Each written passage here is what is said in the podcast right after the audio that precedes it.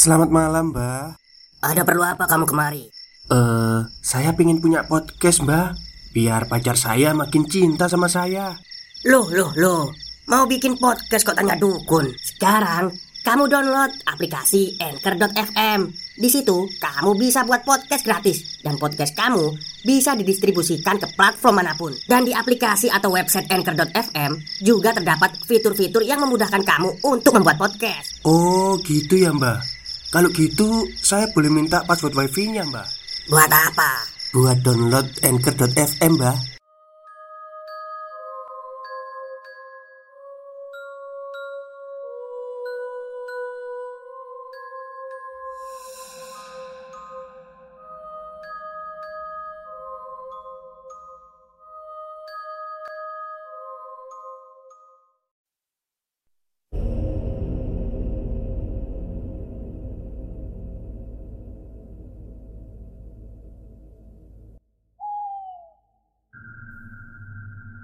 Assalamualaikum warahmatullahi wabarakatuh. Halo semuanya Jumpa lagi dengan saya Chow Sing Sing Kurator dari Podcast Horror Night Story.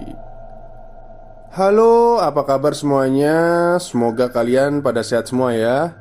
Dan seperti biasanya pada malam hari ini Saya kembali dan akan membawakan sebuah kisah mistis Untuk kalian semua Kisah mistis kali ini saya datangkan lagi dari seorang penggiat kaskus bernama Mbak Evi Wahyuni. Dan kali ini Mbak Evi Wahyuni menceritakan tentang kejadian yang terjadi beberapa tahun yang lalu. Dan ini yang pasti kejadian mistis ya. Oke, seperti apa kisahnya? Mari kita simak Sebuah kisah nyata yang telah terjadi beberapa tahun yang lalu. Mengisahkan sebuah kejadian yang tak luput dari ingatan. Malam itu pekat tak berbintang. Hujan sejak sore sudah mulai sedikit reda. Menyisakan gerimis halus Membawa kesejukan. Namun Membuat sekujur tubuh ini merinding juga Bagaimana tidak? Aku hanya sendirian di rumah kala itu. Ayah dan ibu sedang keluar kota menjenguk kakak yang habis lahiran. Kebetulan aku tak ikut karena sering mabuk darat, juga karena perjalanan ke rumah saudariku ini terbilang cukup memakan waktu lama. Bisa pegal pinggangku kelamaan duduk di dalam mobil. Malam itu Lepas makan semangkuk indomie kaldu dicampur cabai lima biji Plus perasan jeruk nipis sebelah Cukup membuat badan ini sedikit hangat. Makanan pengunggah selera itu selalu menjadi makanan pengusir dingin. Kala malam tiba dengan segudang hawa dingin yang mencekam. Musim hujan selalu membawa berkah bagi Empok Lin penjual Indomie langgananku di sudut jalan depan. Stok jualannya selalu laris olehku, pecinta mie kaldu. Setelah habis melahap semangkuk makanan andalan, segera aku bergegas ke ruang belakang rumah, dapur maksudnya, membawa mangkuk ke wastafel dapur, mencucinya dengan beberapa perabotan yang tadi kupakai memasak. Suara keran air mengisi keheningan dapur. Air mengucur pelan membasuh semua perabotan yang terlebih dahulu sudah kusabuni. Lalu, aku meletakkannya di dalam keranjang, tempat menitiskan sisa-sisa air bilasan. Aku tak menyadari, seiring dengan bunyi air keran, ternyata ada suara lain yang ikut memecah hening. Bulu kudukku tiba-tiba merinding. Tetapi Kupikir itu hanya desir angin yang masuk ke sela-sela ventilasi.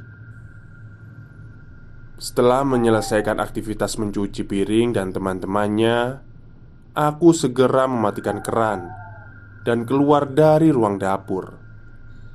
Mumpung sendiri, tak lupa kurai toples cemilan di atas meja dapur berisi kerupuk bawang kiriman saudara kakak laki-lakiku dari pulau seberang.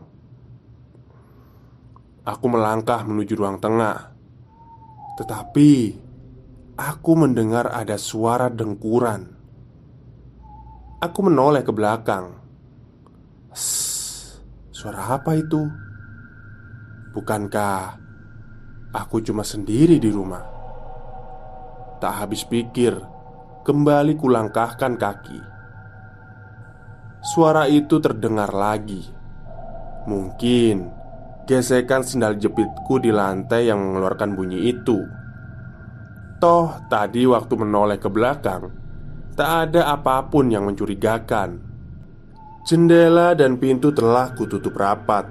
Malah sudah kukunci double biar lebih aman. Aku tak menghiraukan bunyi-bunyi itu lagi. Masa bodoh. Masa aku harus takut? Ini kan rumahku. Lagi pula, itu cuma suara gesekan sendal bertemu lantai. Kenapa pula harus membuatku takut? Ya enggak? Kulirik jam di dinding. Di sana tertera pukul 20.30 WITA. Ah, masih terlalu dini buatku untuk masuk kamar.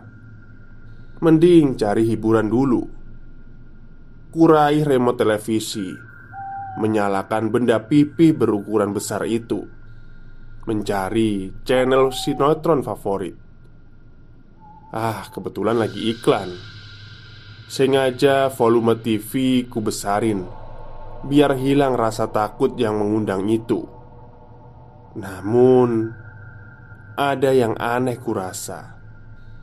Suara dengkuran itu masih saja terdengar Meski volume TV sudah ku besarin Wah, ini tak bisa ku diamkan begitu saja. Ku kecilkan suara TV, bahkan hampir tak terdengar. Aku menajamkan indera pendengaran, mencoba mendengar dan melacak sumber suara mirip dengkuran itu, sekaligus mencoba meredam rasa takut. Semoga bukan hal-hal mistis, harapku. Nah, Suara itu kembali terdengar. Kutelisik penjuru rumah. Nihil Tak ada siapa pun. Gemas rasa hati ini. Tak sadar Akhirnya ku keluarkan suara Siapa itu? Tak ada jawaban Hening seperti biasa Hanya suaraku yang memantul di dinding rumah Apakah aku berhalusinasi. Entahlah, suara itu terdengar jelas, tetapi tak berwujud. Sayangnya, aku tak punya indera keenam yang bisa melihat makhluk tak kasat mata itu. Stop, stop, kita break sebentar. Jadi, gimana? Kalian pengen punya podcast seperti saya? Jangan pakai dukun pakai Anchor. Download sekarang juga. Gratis. Kunyalakan saklar lampu utama. Ruangan seketika terang benderang. Cuma ada aku yang mematung di dekat tombol saklar lampu. Di depan, di belakang, di samping, tak ada siapa pun kecuali aku sendiri. Daripada terpenjara oleh ketakutan sendiri, akhirnya TV aku matikan saja. Sekalian biar dapat kucermati suara itu berasal dari mana. Kututup rapat toples camilanku yang terbiar di atas meja. Kuputuskan masuk ke kamar saja. Setelah terlebih dahulu mematikan lampu saklar utama. Setidaknya di dalam kamar ada rasa aman yang terasa. Lalu aku merapal ayat kursi. Subhanallah, Suara mirip dengkuran itu tak lagi terdengar. Entah itu tadi hanya sebuah ilusi atau hanya sebuah suara di alam sadar bawahku, atau apalah. Aku tak mau tahu lagi. Setidaknya, dengan berbekal keyakinan hanya kepada Allah semata, itulah yang membuatku yakin dan berani. Di dalam kamar, kurai ponsel di atas nakas. Ku cari nama ayahku dan langsung menghubunginya. Bukan hendak melaporkan keganjilan yang kurasakan, tetapi ingin mengetahui kabar mereka di sana. Panggilan itu pun tersambung. Setelah berbalas salam, aku pun tanya ke ayah, "Ayah, gimana keadaan Kak Ati? Kalian di sana baik-baik saja kan?" "Iya, alhamdulillah," Kami semua di sini baik-baik saja. Kamu di rumah gimana? Gak takut sendirian kan? Tidak kok ya Ini udah di kamar mau tidur Salam buat semuanya ya ya Ku akhiri percakapan via ponsel itu dengan salam Tak lupa Tadi ayah mengingatkan untuk membaca doa Agar tidur tidak terganggu. Alhamdulillah, hingga pagi menjelang tak ada suara-suara yang kudengar mengganggu itu lagi. Sebelum tidur, ku baca surat Al-Ikhlas, Al-Falak, dan surat An-Nas sebanyak tiga kali. Lalu setelahnya, ku tutup dengan membaca ayat kursi dengan mengulang tiga kali pada bacaan akhirnya. Kemudian, tak lupa membaca doa tidur dan menyapu seluruh badan. Tak lupa pada malam selanjutnya, setelah sholat Isya, kulantunkan ayat-ayat Al-Quran. Selembar demi selembar menambah sugesti keberanianku akan sesuatu yang berbau mistis. Itulah yang membuatku berani tinggal di rumah, meskipun sendiri berani tidur sendiri tanpa takut dengan apa pun, karena aku hanya berserah diri pada Sang Ilahi, Pencipta semesta alam.